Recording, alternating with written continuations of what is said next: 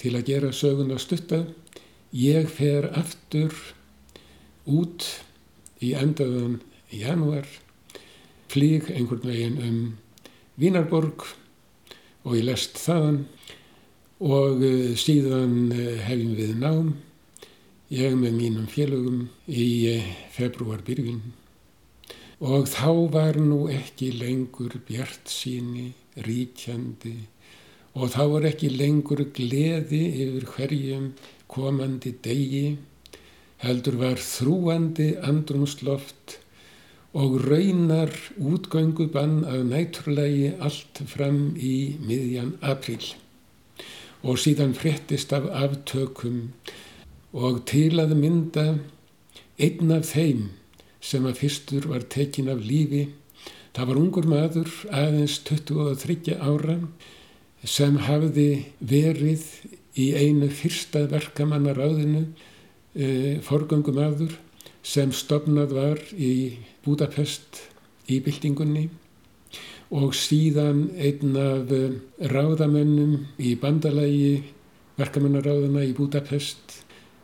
Að sjálfsögðu stóð ráðamönnum stuggur af slíkum manni maður sem að hafði þær hugmyndir og ekki bara hugmyndir heldur líka kraft og hæfileika til að komast í fóristu hinnar sjálfsbrotnu verkaðlýs hreyfingar og sjálfstjórnar á vinnustöðum.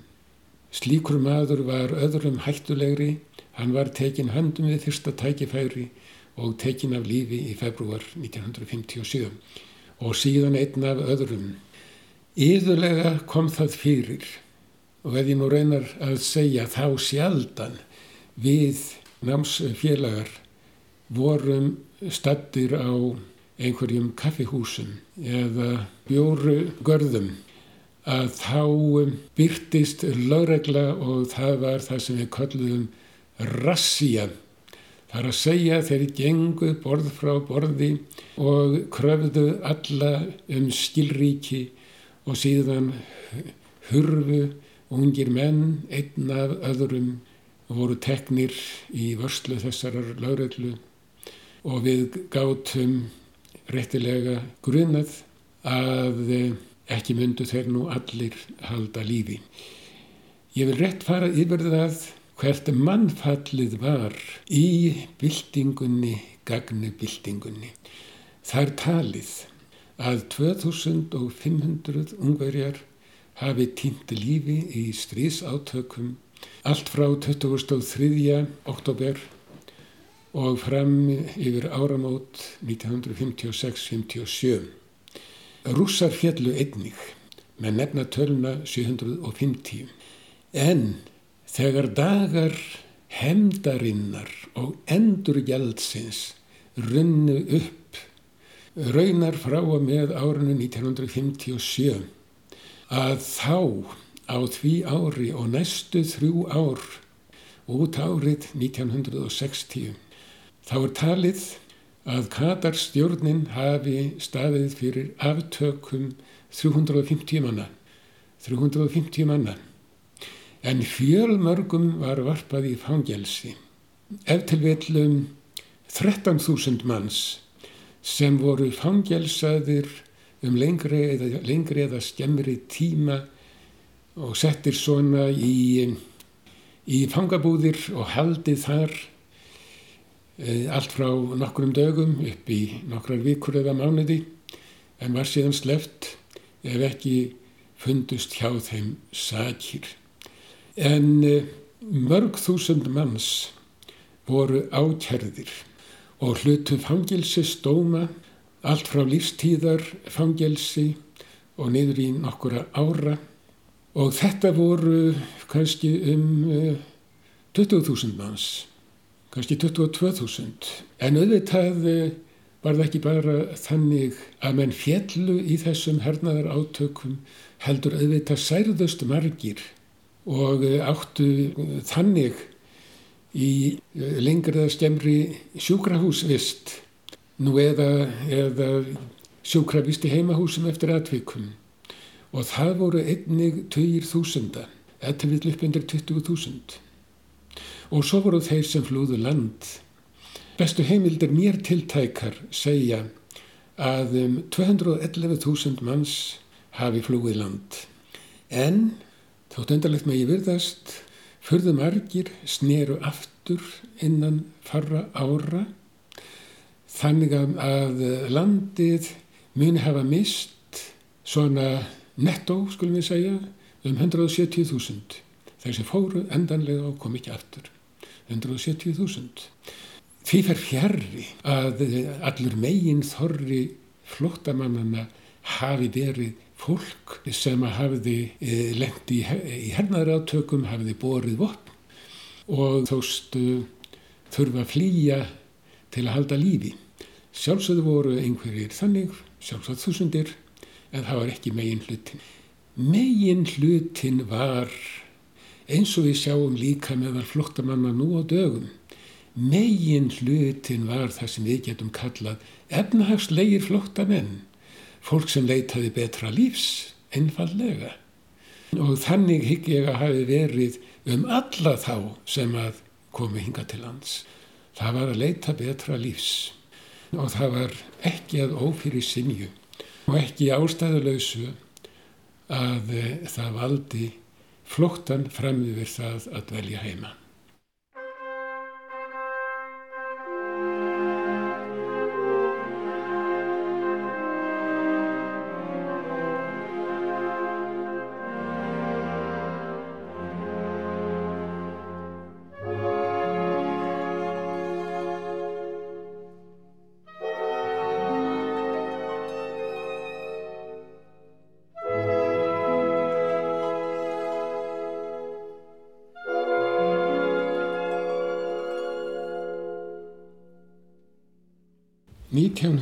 1957 árið það fór sína leið og 1958 og 1959 og 1960 og ég er við nám í Budapest.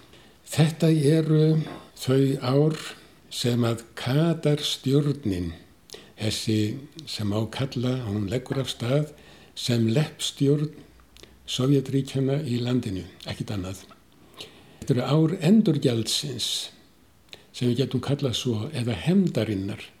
Hemdin fyrir það að fólk skildi rýsa upp gegn flokksvaldinu og gegn sovjaska stjórnarfærinu sem þröngvað hafi verið upp á landið.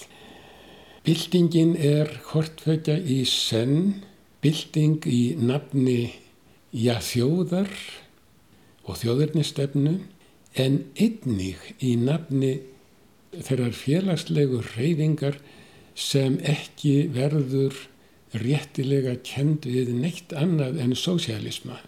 Verkamanna ráðinn, einnig samtök bænda og svo samtök rítöfunda og annara mentamanna.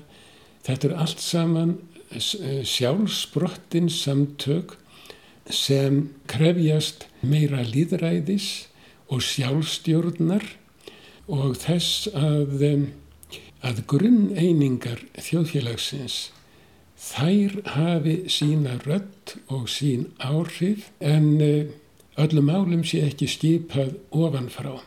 Það er í nótskurð þetta, þessir félagslegi þáttur, líðræðið getum við kallað og svo hins vegar þjóðarvitundin, þessi ungverska þjóðarvitund, er þess, þessir tveir þættir eru barði nýður og kæfiðir. Og árið 1957, það er ár kúunar og ekki síður árið 1958. Það hefur margt verið sagt og skrifað um ógnarstjórn Rakosis á árunum 1948-49 og til svona 53-56, það er svolítið breytilegt hvaða ári eru tekinn til. Og það var að sjálfsögðu þá að stórir hópar fólks, heilar þjóðfélagsstjettir eru teknar fyrir og, uh, og fólki varpað í fangelsi og fangabúðir eh, hundruðum þúsunda saman. Leppstjórn Katars hafðist ekki þetta við. Það, var, það voru öðruvísi aðferðir. Þeir um, miðuðu frekar á einstaklinga sem að hefðu verið í forgöngu í vopnaviðskiptum eða á andlegu og pólitísku sviði og slíkir voru e, dæmdir, réttað yfir þeim og þeir dæmdir og teknir af lífi. Hundruðum saman eins og ég áður sagði.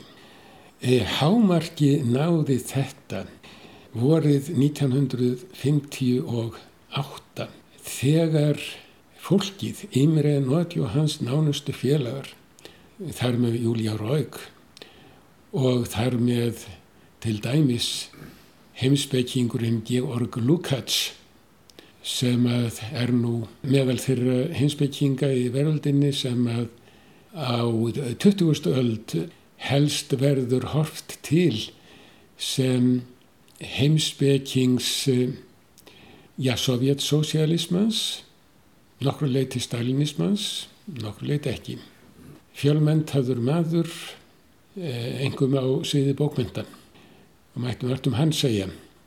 En hann var nú einn af þeim sem að fyldi Imrenók til inn í hælið í Júkoslavinska sendiræðinu en síðan má segja að, að þeir hafi verið lokkaðir þaðan um, með því að heita þeim gríðum og gætu bara að fara heim til sín. En voru bara einfallega handteknir e, þarna á göttunni fyrir utan og þótt undarlegt með yfirðast fluttir í fangabúðir í e, bænum Snagov í Rúmeníu. Svona gammal e, orlofsstaður.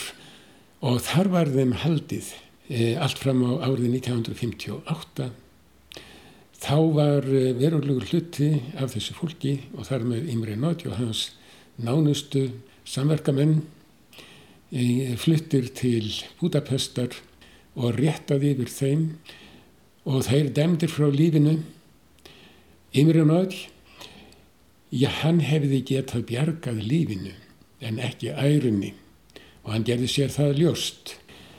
Hann sagði ósköp einfallega ég er réttur forsætisráðherra Ungverilands en ekki þessi Katar. Ég er forsætisráðherra í krafti bildingarinnar 23. oktober, engin annar. Og fyrir þetta mátti hann gjalda með lífinu og hann var, hann var tekin af lífi og um, nokkur með honum 16. dag júni mánadar 1958. Hvar var ég þá? Ég var stattur á ferðalagi frá Budapest og heim til mín, heim til Íslands í sömarleifi.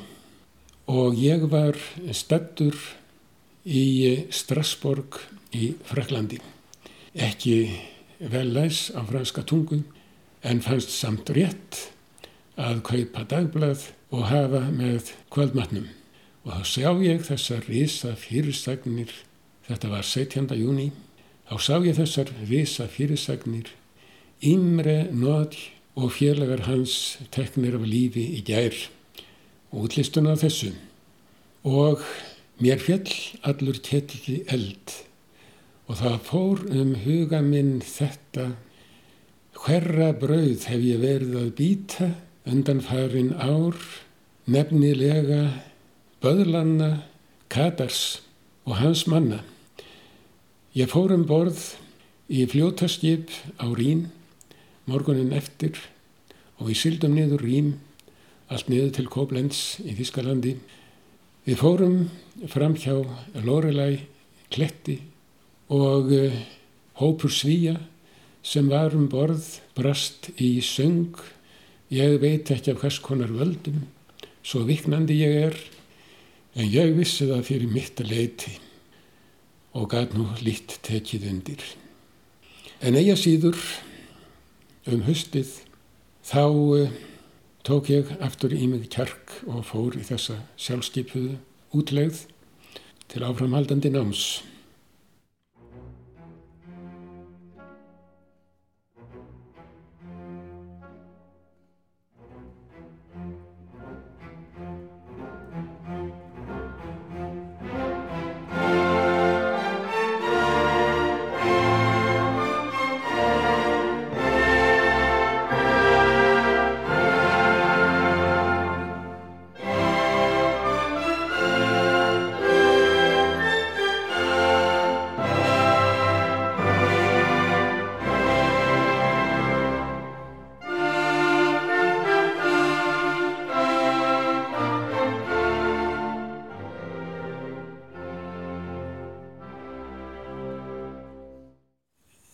Þessum árum, engum 1957, þá voru félagar mínir yðurlega kvattir á einhverja fundi, pólitíska fundi þarna í háskólanum þar sem að lesið var yfir hausamótunum á þeim.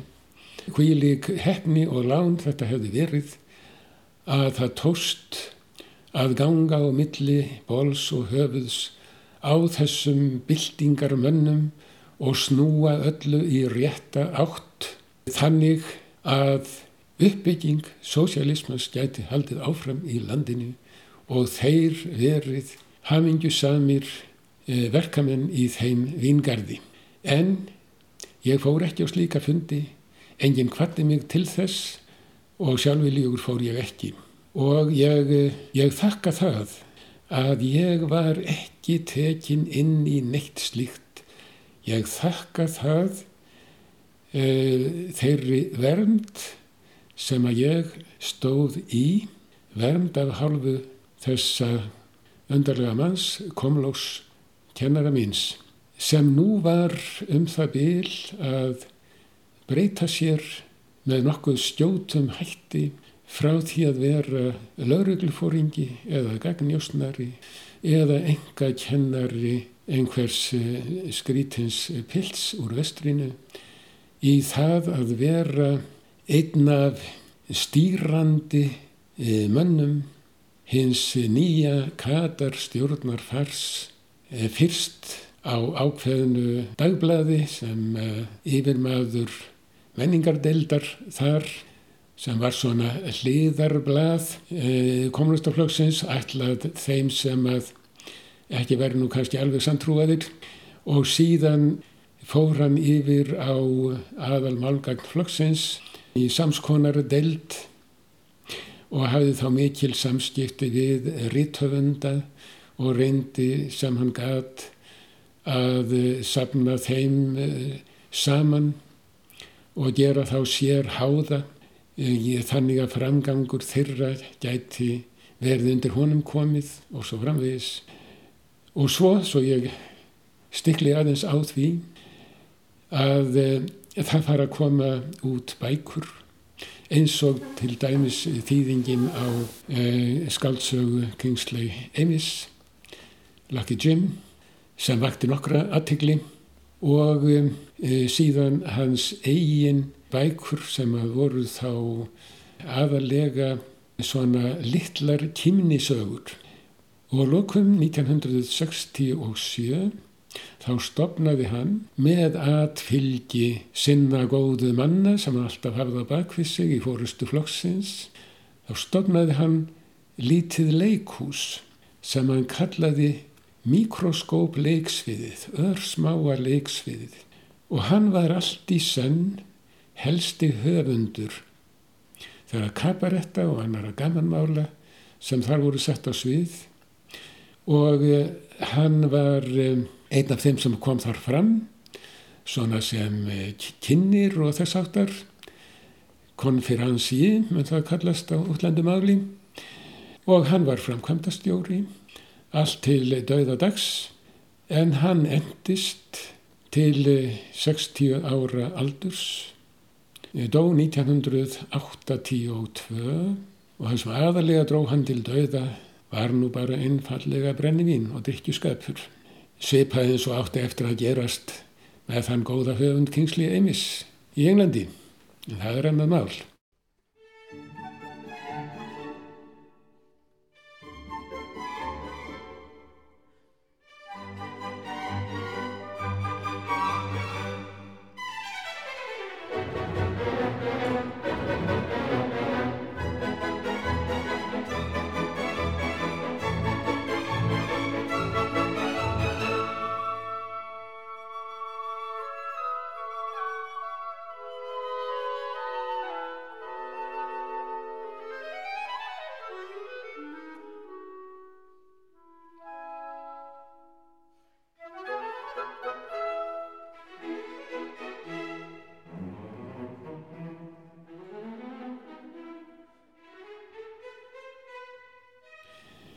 Ég kem til Ungverjalands 1989 til að smakka á öllum þessum breytingum sem er að verða og dvaldist þar um mánuðarsteið í júni mánuði og var þá að sjálfsögðu á heti torgi við endurgrefturinn Imre Nóði og félaga hans 16. júni. En á þessum dögum þá lagði ég leiðir mínar inn, í, inn á þetta örsmáa leiksvið og var þar uh, kvöldgestur á kabarettsýningu sem var ákvæmlega fyndin og skemmtileg og mjög í andakomlós. Ég visti ekki svo sem að hann væri látin og hafði gett að hugsa mér að reyna að ná hans fundi. En þá blasti við mér með öðrum myndum af leikurum og öðrum aðstændandum leiksviðsins, leikhúsins, stór mynd af Komlós, stopnandi og framkvæmda stjóri, dáinn 1982, sjö árum áður, voru með nýja frettir. Ég hygg að það hefði verið undir vor eh, 1957 þegar ég ætlaði að bregða mér sem ég gerði til Vínarborgar á uh, viti Íslandinga þar til að leta að mér okinu um stund að ég hafi gefið mig fram við Komlós og þá segir hann við mig heyrðu, farði ekki einhvern styrkað heimann frá Íslandi? Jú, sagði ég, sannleikanum samkvæmt mér er útlutaður halfur styrkur úr lánasjóði námsmanna hálfur miða við það sem námsmenn í Vestur-Európulöndum fengu. Þetta má nú sjá bara í dagblöðum hér því að þá var síður að byrta tilkynningu með nöfnum og upphæðum til hvers námsmanns í blöðunum. Já, það veri vel í veiði, segir hann, en blessaður farði ekki að skipta því hér í ungverskar fórindur í bankað eitthvað svoleiðis, það er svo óhagstætt gengi, það er ekkit vitið því. Ég skal bara kaupa þetta af þér á uh, góðum kjörum, hvað segir þau við svona 50% yfirverði? Nú, það hljómaði ekki illa fyrir mig, en átti ég þá að láta hann hafa penningana eða hvað, einhverja sæla, dollarsæla eða hvað. Nei, nei, nei, nei, nei, nei, nei, nei. Ég ætla að byggja þá um að leggja einhverjar upphæðir inn á e, reikning sem ég skal láta þig hafa, e, reikning í tilteknum banka í New York. Senda það þangað. Það getur hvaða banki sem er í Vestur-Európa gert þetta. Já, sagði ég, já það. Jú, ég skal bara gera þetta og þá fæ ég fórendur hjá þér, segi ég. Já, alveg bara sjálfsagt, segir hann. Nú, ég geri þetta og þá í fyrsta sinn þarna vorið 1957 og hafði þá, þá gæti ég list út svo lítinn e, tekka, banka ávísun af heimann frá lánasjóði. Og ég sendi megin hlutan til Ameríku inn á þannan bankareikning. Og síðan fæ ég heim, heim komin til Budapestar, ef ég kalla það nú heim, þá fæ ég ungversku fórindurnar hjá Komlós. Og hvað gerði ég við þetta? Jú, þetta held mér á lífi, ef ég má svo segja í tvennum, eh, skilningið á tvennan veg. Að annars vegar gæti ég leikt mér að fara öðru hverju á allra ódýrustu matsölu staði og etið mig sattan en því var nú ekki að helsa á stúdentamensunni þannig að ég eh, færist ekki úr ofeiti og hinbógin gæti ég farið öðru hverju á tónleika og það held mér á floti á andlega sviðinu. Þannig að mig munaði um þessa öyra sem að ég gæt sem sé e, dríkt svo litið með þessum hætti með samningum við komlós. Hafi ég e, verið að fara ólöglegar leiðir að þá var þannig komlós ekki síður. Þetta sýnir það að hann án þess að um það færu orð okkar í milli. Við töluðum aldrei um lauruglu í eftirlit með mér eða, eða yfirleitt um pólitík utan í þetta eina sinn kvöldið 2003. oktober. En hann þekkti mig það vel að ég myndi gera mér ljóst að hann væri verndari minn gagnvart hinnum flokkslegu alltsjáandi yfirvöldum og hann gerði sér líka ljóst að mér væri treystandi til að fara með þetta sem manns morð þannig að hann lendi ekki í neinu klandri. Þannig að þetta voru, þetta var ákveðið band gagn hvaimra hagsmuna sem batt okkur saman. Og ég gerði mig líka ljóst aðeins betur en hvernig hans afstafa var til stjórnarfarsins sem hann svo sannarlega stutti. Hann var ekki sannfærður um að það heldi velli og hann vildi hafa líftryggingu á Vesturlandum og þetta, þótt í litlu væri, var svo litil líftrygging fyrir hann.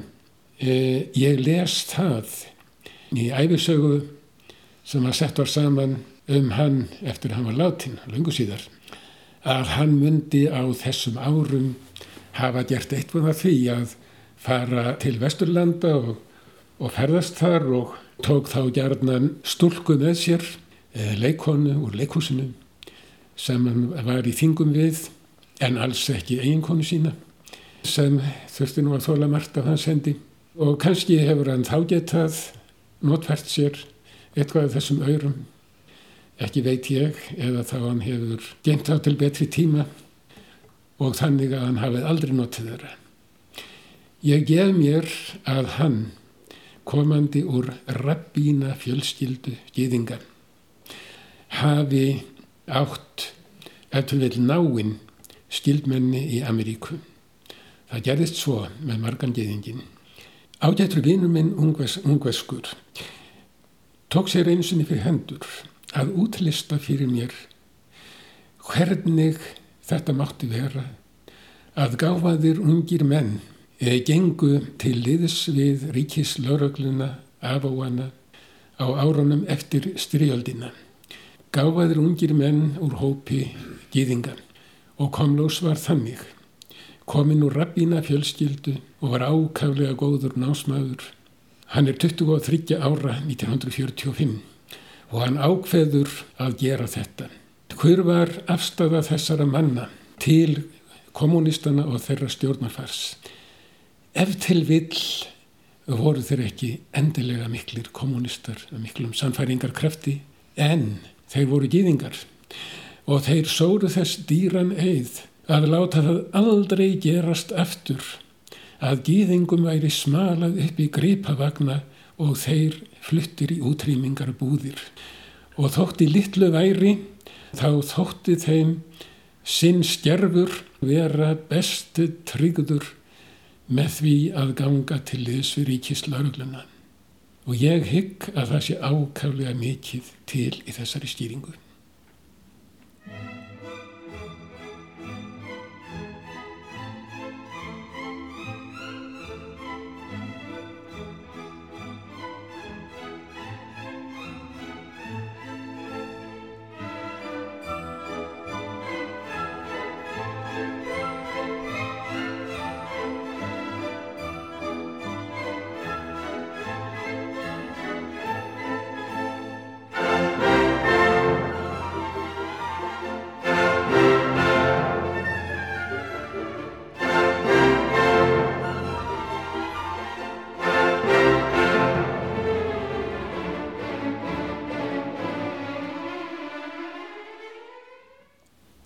Það er að mér og mínum félögum að segja þarna í hagfræði skólanum að auðvitað var þig aldrei hagfræðingur sem að það nafn er gefandi. Sjálfsögðu ekki. En það var þetta svo sem engin hagfræði sem þarna var kend og ekki nefnandi því nafni. Þetta var svona einhvers konar teknifræði, félagsleg teknifræði kannski. Handa því fólki sem færi að starfa við hinn sigursæla áallunar búskap sovjetkommunismas. Og ymsir fjarlæga minna e, komust tiltúrlega langt á þá þeirri braut. Eitt þeirra til dæmis að taka varði yfirmaður áallunar skrifstofu ríkisins, það er sem sé aðal framkvæmandi, já það er aðal skipuleggjandi og síðan framkvæmandi áallunar búskaparins í landinu og sem slíkur var hann aðstóðar ráðherra í ríkistjórninni. Hann e, var settur til menta í svona einhverju sem að gæt kallast raunveruleg hagfræði í Vesturlöndum, á Vesturlöndum og gekk í bestu skóla í Ameríku eitt eða tvö ár en kom svo heim og var þá ætluð slík staða sem ég áður nefndi. Þessi maður, góður félagi, komin úr allra mestu emnd sem að hægt er að hugsa sér. Móður hans, þvottakona, fadur hans, einhvers konar eh, burðarkall í verksmiðju Hann lifiði umskiptin miklu 1989-90 og sagði af sér að sjálfsögðu e, þessari sinni háu stöðu og gerðist háskólakennari og höfundur margra bóka og greina um hagfræði í einum nýja stíl og mikill formælandi hins frjálsa markaðs kervis og alþjóða væðingar. Svona var nú auðvelt að skipta yfir frá katartímanum og yfir til markaðskerfisins fyrir hæfileika menn.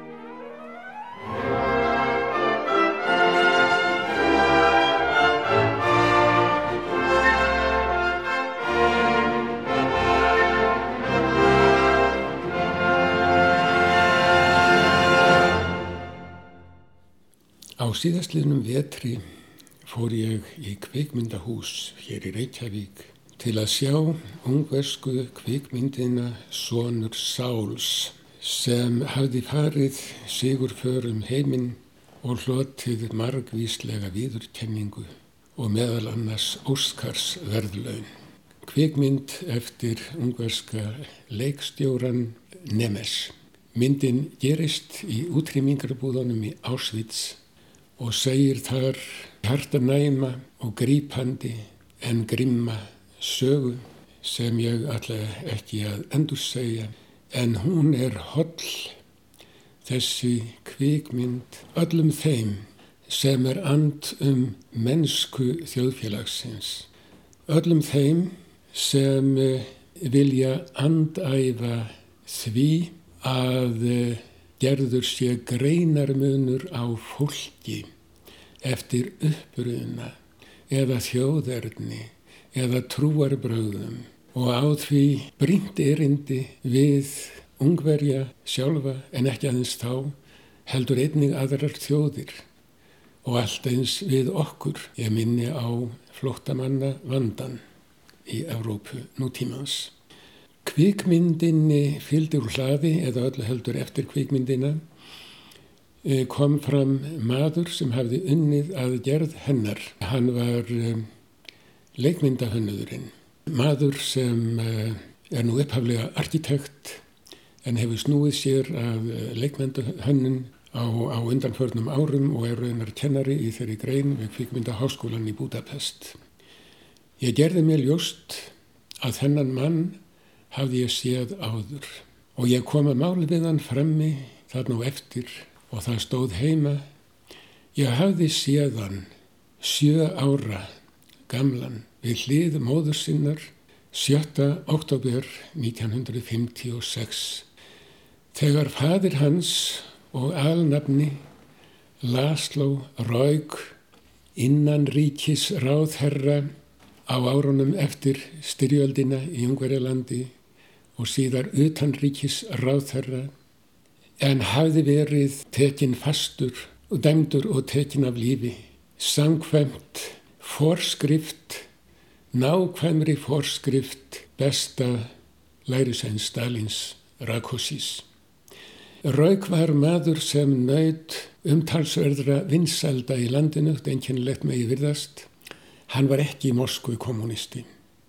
Hann hafði verið heima í Ungverjalandi á meðan sætt var en síðan farið til Vestur-Európu, tók þátt í Spánarstyrjöldinni og kom svo heim á stríðsárunum og mátti engum huna að hann týndi lífinu.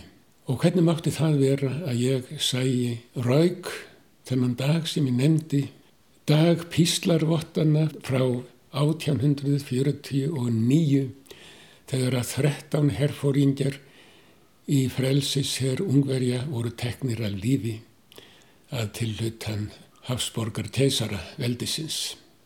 Þessi minningardagur var valin til endurgrefturinnar Laslo Rauks við hátilega aðtögn endurgrefturinnar hans og hans nánustu félaga sem einni voru teknir af lífi hösti 1949.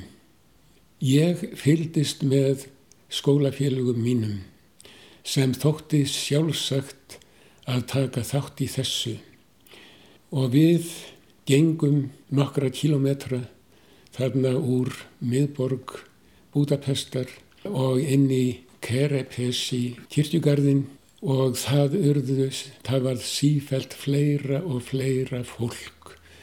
Og þegar við loks náðum þangað, ég trúi undir klukkan þrjú en þá átti aðtöknin að hefjast, þá var mannhaf um allt og við, ungir piltar, máttum taka á allri okkar ytni og legni við að eh, komast eins innarlega og, og næst e, pallinum þar sem kisturnar stóðu. Og þar vorum við í næstu nálegð þegar fulltrúar ríkistjórnarinnar komu og sóru og sárt við lögðu aldrei aftur, aldrei aftur munum við þóla þá lögleysu sem að hér gerðist. Við vottum Laslo Rauk og fjölugum hans virðingu okkar þeir voru góðir félagar. Og þarna stóð ekkjan Júlia Raug og sonur hennar sjö ára. Hún beini baki og mörguð hössum andlit stráttum, mikil ristni yfir henni og vilja styrkur. En hún hafiði á einni af samkundu Petu fyrir ringsins í júni 1956 verið meðal ræðumanna og sagt félagar ég er ekki í rónni fyrir en búið er að endur greftara mann minn, eigin mann minn og hans félaga og ég skora á ykkur að fylgja mér í þessu og krefjast þess að ráða menn sjáu að sér og sé ekki að pukrast með endurreistn hans heldur gerist hún fyrir opnum tjöldum og allra augum. Hjálpiði mér til þess og þetta gerðist og þarna var hún sigurvegar í dagsins. Mannfjöldin hljóður en lærði sína leksíum og ég trúi einnig félagar mínir átján ára, unglingar í rauninni komandi austan af landsbyggðinni, margir hverjir úr uh, ólýsanlegri fátækt en hafðu verið settir til menta og gengum hljóðir heim.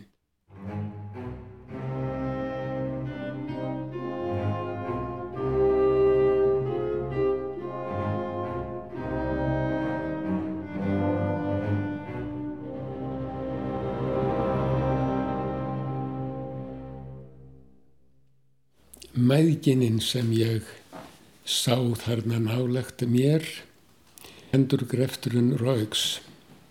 Júlia, ekkan Júlia og hennar sonur.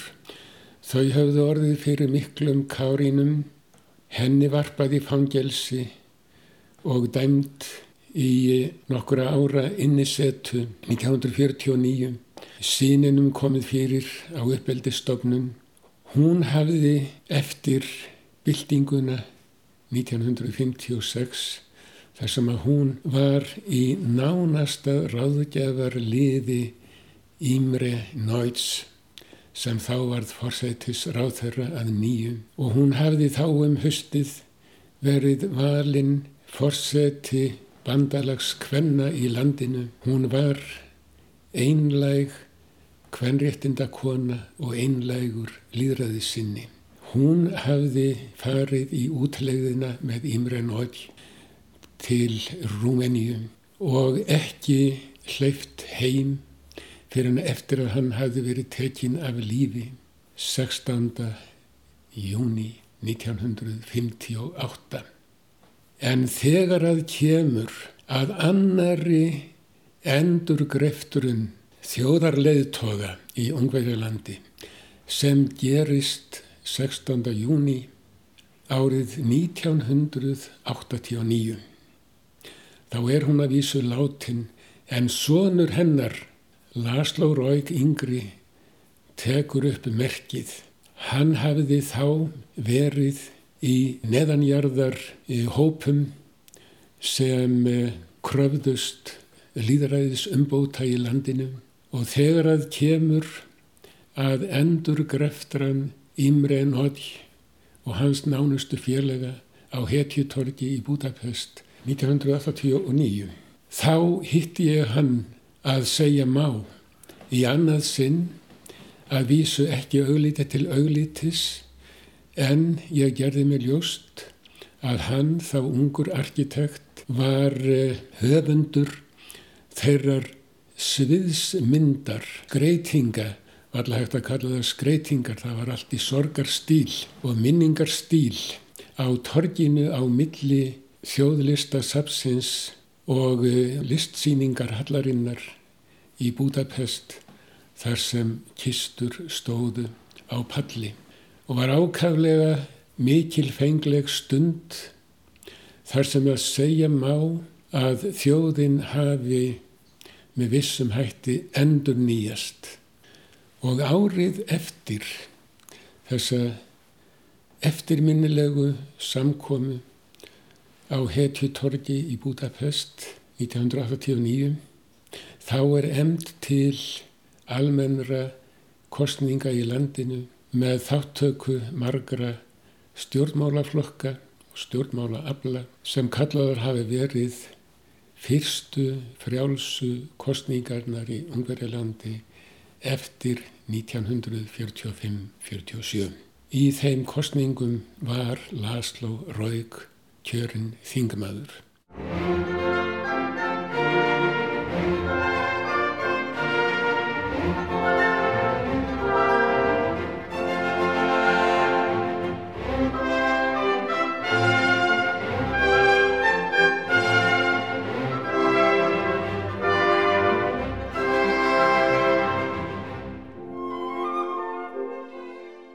Bildingin 1956 var merkur atbyrður í sögu Ungverjalands minnilegur öllum þeim sem þá lifðu í landinu. Og þrátt fyrir það að ávinningar bildingarinnar væru að yngu gerðir, lagði bjerma hennar langt inn í framtíðina. Eftir valdbeitingar ofsan fyrstu ár katar tímans var smám saman slakað á klunni og sagt Sá sem er ekki á móti okkur, hann er með okkur. Þeir tímar komu að aftur var hægt að fara með gamanmál í landinu, að vísu undir vökulu auga valdsins samanber kaparett leikursið hans komlós. Góðskaldinn gáttu dreyið hvæði sín upp úr skúfum. Skálsagnahöfundar rítuðu nýstárleg verk að efni og formi. Búdapestarskólinn í heimsbeki ítti undir fræðilega greiningu á þjóðfélaginu. En að vísu var pólitiska lauraglan alltaf til staðar og kifti í tauma þegar frjálslindið þótti kæra ár hófi. Bildingarandin frá 1956 hjælt áfram að senda sín skilaboð til nýra kynnslóða ekki síst á nýjunda áratögnum. Þetta kom allt upp á yfirborðið á Bjart sínis árinu mikla 1989 og ég var svo áþreifulega var við í heimsókn minni sem mátti heita mín fyrsta í þrjá áratví. Svo mjög voru menn það ár undir áhrifum byltingarinnar að einmitt 23. oktober, fyrsti dagur í byltingu, var valinn stopndagur hins nýja líðveldis ungverja 1989 og er síðan þjóðháttíðar dagur. Nú eru liðin 60 ár frá byltingunni og upp undir 30 frá því valdaflokkur Katars hvarf úr sögunni. Aftur er komið til vegs í landinu nokkus konar eins flokks líðræði sem lítur sterkum leiðtoga. Á Kossút torgi við þinghúsið steig forsætis ráðherran Viktor Orbán fram á þjóðháttíðar degi og flutti enn eina ræðuna um þjóðhóllustu ungverjans, um ættjörðina fyrir ungverja og yngva aðra. Þjóðhetjunar Imre Nóð let hann að engu getið. Draumur byltingarmanna um sjálfstjórn jafningja er nefnilega viðs fjärri hugsun fóringjans Orbáns. Frjálslindi sem grunnstóð og helstu tryggingu líðræðis segir hann raunar ógna þjóðarhagsmunum ungverja. Lengra verður vart gengið gegn megin intæki byltingarinnar 1956. Orbán belgir sig út í þjóðrembu en vísar allri jafnaðar mennsku á bög. En er Orbán umdeldur maður Hann er leiðtogi í teikni sundrungar og aðgreiningar. Í því teikni að sumir séu sannari ungverjar en aðrir. Sú þjóðlígi hefur áðurlátið á sér kræla í ungverski sögu og leitt til þjóðar og gefið.